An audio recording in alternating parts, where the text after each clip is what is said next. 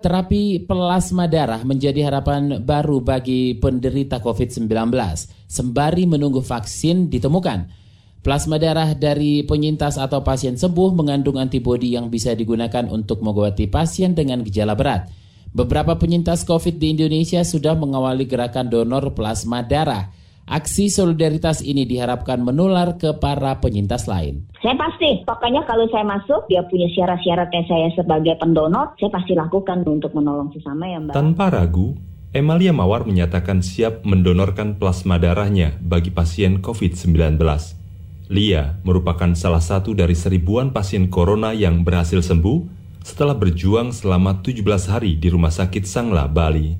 Sembari menuntaskan masa karantina di rumah, ia mulai mencari informasi tentang donor plasma darah. Malah terakhir kemarin baru teman saya, eh baru tadi teman saya bilang, dia tanya golongan darah saya apa gitu. Saya bilang kenapa? Saya bilang gitu. Ternyata kalau misalnya nanti saya mau donorin plasma saya itu katanya masih golongan darahnya satu katanya gitu. Misalnya hmm. kalau kita oh harus oh gitu kan katanya gitu. Oh gitu ya, iya. Jadi saya tahu-tahu juga gitu. Jadi mereka pada nanya-nanya saya juga sih. Lia berharap bisa ikut menyumbangkan plasma darahnya untuk mengobati pasien parah.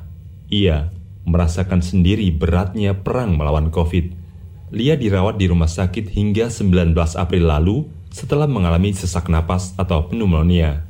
Gejala itu muncul usai Lia kembali dari luar negeri. Saling membantu mbak, biar cepat gitu kan kasihan juga mereka kalau sampai apalagi kalau yang saya tahu tuh sampai yang parah-parah aduh kasihan deh itu deh pernah sebelah saya tuh yang parah banget yang napasnya sampai aduh mau napas susah banget saya saya dengar Menteri Perhubungan Budi Karya Sumadi juga memastikan kesediaannya menjadi donor plasma darah. Budi merupakan pejabat publik pertama di Indonesia yang terjangkit COVID.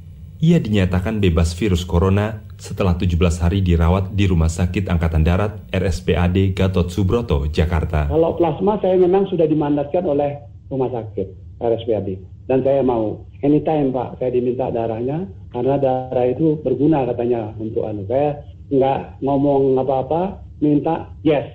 Donor plasma darah ini mulai mendapat perhatian publik usai pasien kasus 03, Ratri Anindiayati, mengunggah foto di media sosial Instagram. Foto itu menunjukkan Ratri tengah melakukan donor plasma darah di RSPAD.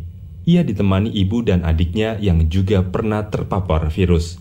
Mereka bertiga tercatat sebagai pasien sekaligus penyintas corona pertama di Indonesia? Ya sebenarnya cukup mudah waktu itu memang karena kita nggak biasa aja jadi agak sedikit takut tapi begitu sampai di RSPAD Gatot Subroto dan diterangkan dengan baik dan melihat mesinnya juga ternyata nggak nggak serumit itu. Jadi ada ada mesin namanya mesin aferesis yang bisa menyaring plasma dari darah darahnya diambil Uh, lalu disaring plasmanya di mesin aferesis itu plasmanya masuk ke tabung lain uh, lalu darah merahnya kembali lagi ke tubuh kita. Ratri mengajak para penyintas lain untuk melakukan aksi serupa.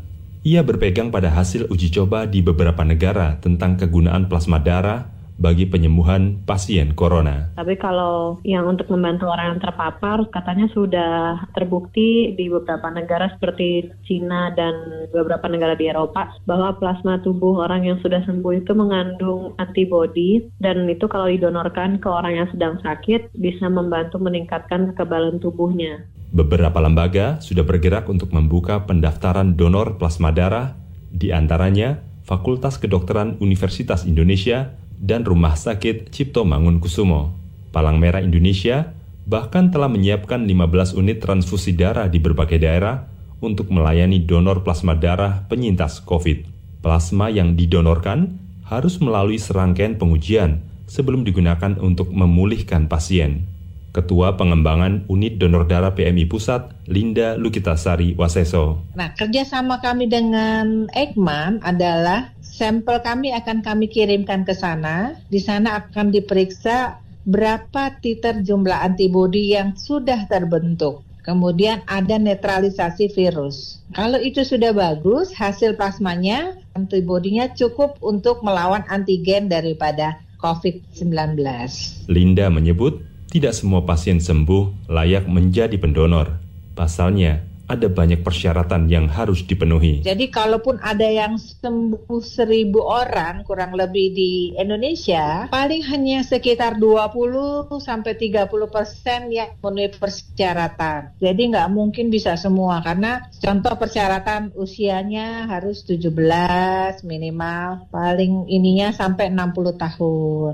Tidak boleh ada penyakit, hipertensi, kencing manis, seperti kayak kita mau berdonor reguler. Demikian laporan yang disusun tim KBR. Saya Sindu Darmawan.